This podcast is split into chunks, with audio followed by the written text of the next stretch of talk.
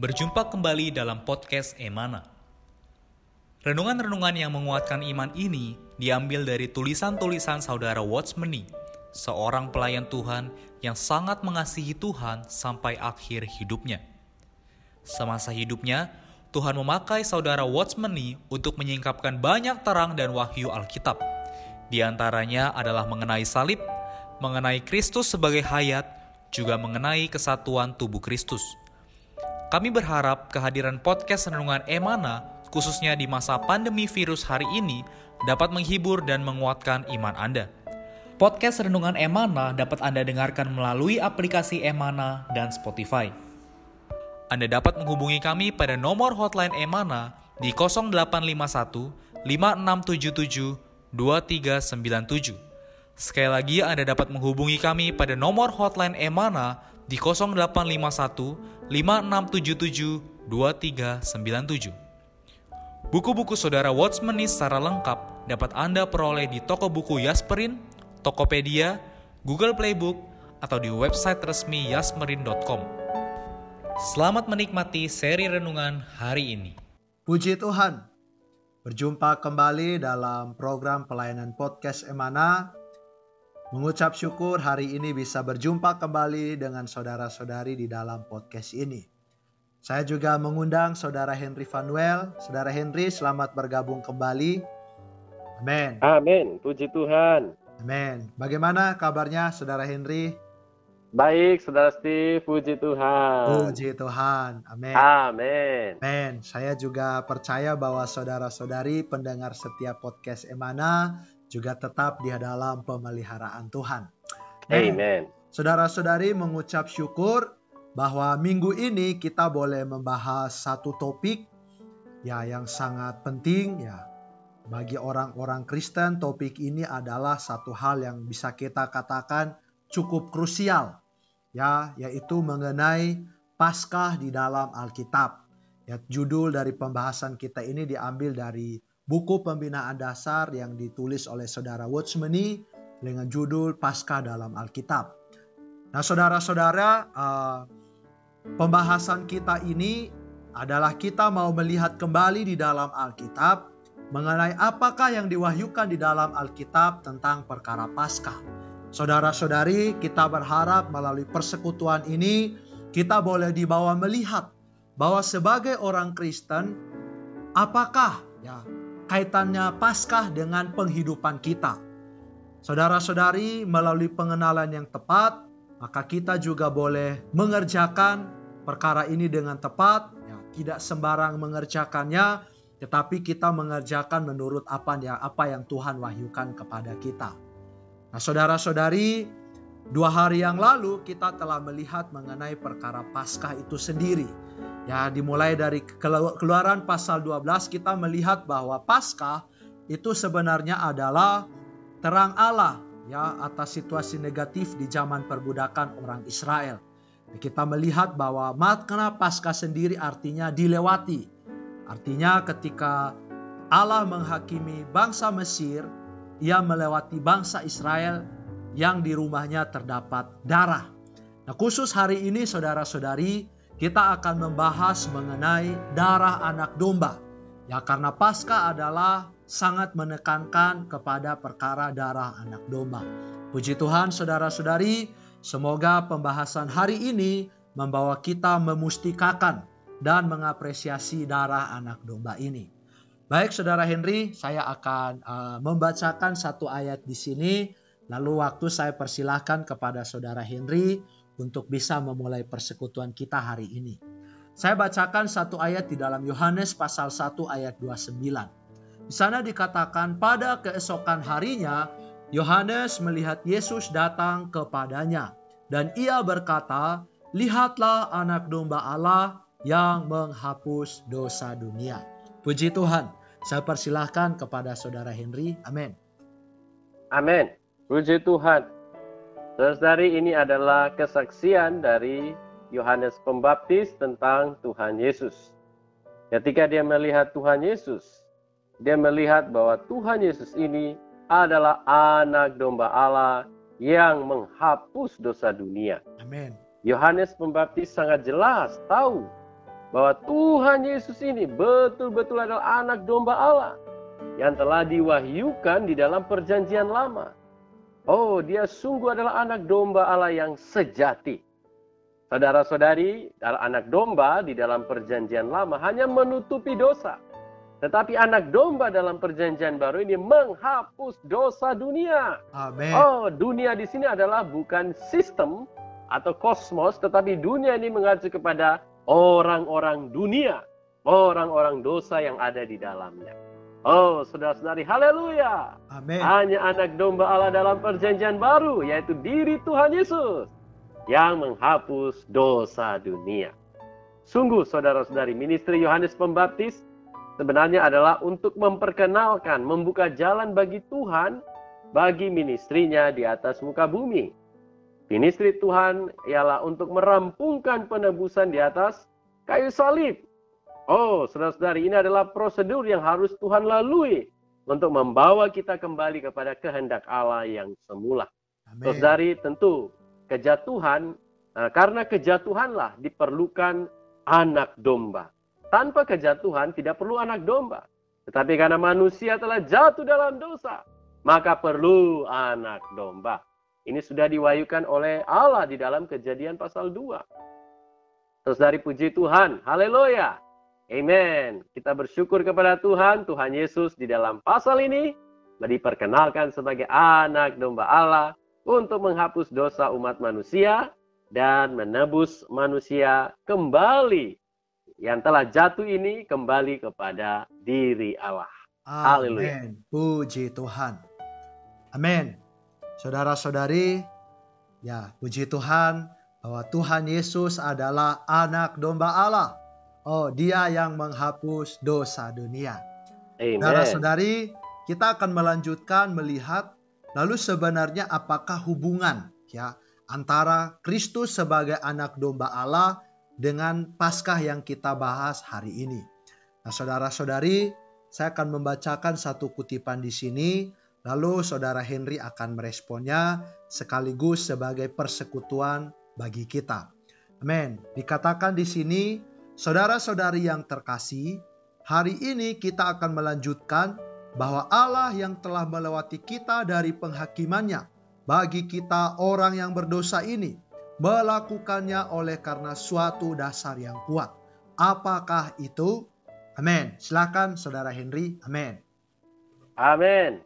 Puji Tuhan saudara-saudari. Haleluya.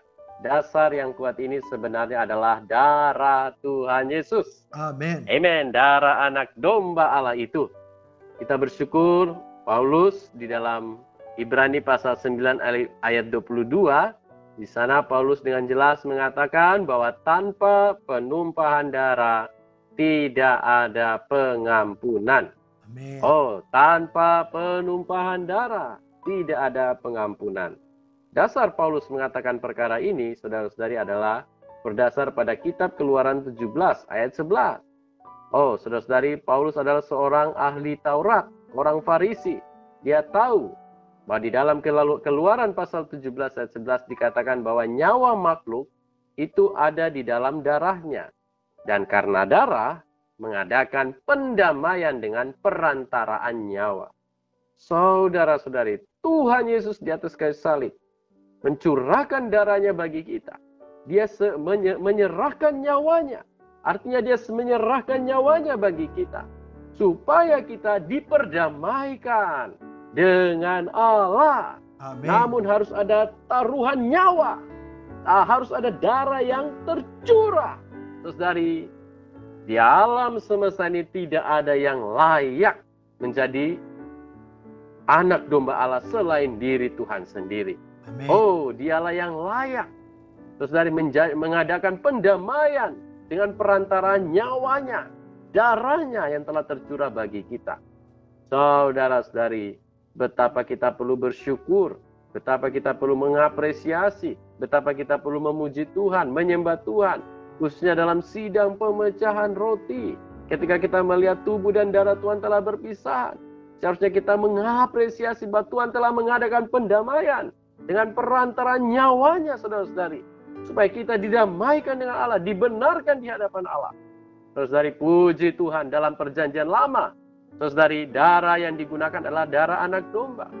Tuhan Yesus di dalam perjanjian baru menggenapi lambang tersebut. Dialah anak domba Allah yang sejati, yang menghapus dosa dunia, dan yang mengadakan pendamaian antara Allah dan manusia, antara Allah dan kita, saudara-saudari. Di atas kayu salib dengan mencucurkan darahnya. Artinya, saudara, ia menyerahkan nyawanya, hayat jiwanya, agar kita beroleh hayat ilahinya. Karena itu di dalam Yohanes pasal 10 ayat 11, di sana Tuhan mengatakan bahwa dialah gembala yang baik. Dan gembala yang baik memberikan nyawanya bagi domba-dombanya. Puji Tuhan saudara-saudara yang terkasih, kita patut bersyukur kepada Tuhan atas apa yang telah ia rampungkan bagi kita. Saudari sekali lagi, khususnya dalam sidang pemecahan roti. Kita tidak bisa dengan ringan Oh, saudari menik oh menghadiri sidang ini. Kita harus penuh dengan pujian, apresiasi, ucapan syukur atas karya penebusan Tuhan bahwa dia adalah anak domba Allah yang menghapus dosa kita melalui mencurahkan darahnya. Oh, menyerahkan nyawanya untuk pengampunan dosa kita supaya kita beroleh hayat kekal Allah. Amin. Puji Tuhan. Puji Tuhan. Amin. Terima kasih Saudara Henry Saudara-saudari, sampai di sini kita melihat ya, apakah hubungan atau keterkaitan antara Paskah dengan Kristus sendiri. Saudara-saudari, puji Tuhan. Seperti saya katakan di awal tadi bahwa penekanan Paskah adalah berhubungan dengan darah, maka kita perlu mengucap syukur bahwa Yesus adalah anak domba Allah. Oh, dia adalah yang mencurahkan darah di atas kayu salib. Saudara, kita mengatakan tadi bahwa Darah ini adalah darah yang mendamaikan kita dengan Allah. Saudara-saudari, kita adalah orang dosa. Kita harusnya dihakimi oleh Allah. Namun puji Tuhan, di atas kayu salib, Kristus sang domba Allah itu mencucurkan darah bagi kita. Sehingga Amen. melalui kita menerima darah itu, maka kita menjadi orang-orang yang didamaikan dengan Allah. Kita dilewatkan dari penghakiman Allah.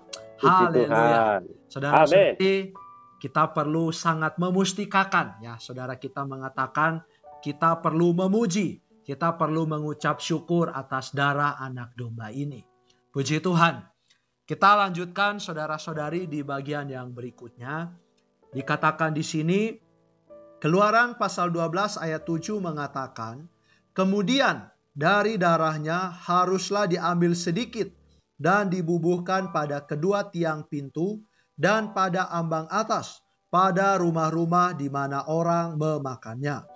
Darah yang dibubuhkan pada ambang atas dan kedua tiang pintu adalah untuk penebusan. Darah ini melambangkan darah penebusan Kristus, seperti yang dicatat di dalam Matius pasal 26 ayat 28, Yohanes pasal 19 ayat 34, dan 1 Petrus pasal 1 ayat 18 sampai 19. Ketika orang Israel menerapkan darah domba Paskah, mereka berada di dalam rumah-rumah yang telah diperciki darah anak domba. Ini menunjukkan bahwa penebusan adalah berdasarkan kesatuan. Darah Kristus tidak dapat menebus kita kecuali kita bersatu dengan Kristus. Hanya melalui berada di dalam Kristus, kita dapat ditebus karena darah Kristus. Bila kita di luar Kristus, darahnya tidak dapat menebus kita. Tetapi begitu kita berada di dalam Kristus sebagai rumah, niscayalah kita tertebus karena darah yang telah dipercikan pada ambang atas dan kedua tiang pintu rumah tersebut. Karena penebusan berdasarkan kesatuan, maka kita harus bersatu dengan Kristus, bersama dengan Kristus. Amin. Kemudian karena menjadi satu dengan dia, kita dapat ditebus karena darahnya. Haleluya. Haleluya. Amin. Silakan Saudara Henry. Amin. Amin. Oh, sungguh saudara-saudari gambaran di dalam keluaran pasal 12 ini adalah satu gambaran yang sangat indah. Oh, gambaran yang begitu indah. Saudara-saudari, bukan hanya anak domba adalah Kristus, bahkan rumah orang-orang Israel juga adalah Kristus. Amin. Kristus adalah anak dombanya, rumah juga adalah Kristus itu. Saudara-saudari dikatakan, Amen. Di dalam rumah kita bisa mengalami keselamatan darah dan menikmati daging anak domba. Artinya hanya di dalam Kristus. Saudari, bersatu dengan Kristus artinya tinggal di dalam Kristus. Kristus menjadi rumah kita. Saudari, ketika kita mengalami Kristus, tinggal di dalam Kristus, otomatis kita akan mengalami amin, pembasuhan dan penebusan darah Tuhan dan menikmati Tuhan sebagai suplai tenaga, kekuatan kita dan segala sesuatu kita. Oh, saudari, sungguh saya sangat memustikakan keluaran pasal 12 ini. Saudara-saudari, sebaliknya, kalau kita di luar Kristus, kita tidak tinggal di dalam Kristus. Saudara-saudari, kita tetap orang dosa yang binasa. Kita tetap mati di dalam dosa-dosa dan pelanggaran-pelanggaran kita. Saudara-saudari, sebenarnya kita menjadi orang yang sangat-sangat kasihan. Tapi syukur pada Tuhan. Hari ini kita bukan bagian dari Mesir. Kita adalah umat tebusan Allah. Amin. Saudari, kita adalah umat tebusan Allah. Kita ditebus, saudara-saudari. Oh, dengan darahnya, dengan nyawanya. Terus dari Tuhan mempertaruhkan nyawanya, mencucurkan darahnya di atas kayu salib untuk menebus kita, saudara-saudari. Oh, Petrus mengatakan bukan dengan emas atau perak, tapi dengan darah yang mahal. Amin. Darah anak domba yang tak bernoda dan tak bercacat itu. Puji Tuhan. Saudari, kita tidak bisa tidak untuk memuji Tuhan Amin. dalam hal ini. Oh, saudari yang terkasih, karena itu sekali lagi, dalam sidang pemecahan roti, kita perlu mengapresiasi Kristus Amin. sebagai rumah kita. Kita tinggal di dalam Kristus dan menjadi umat tebusannya.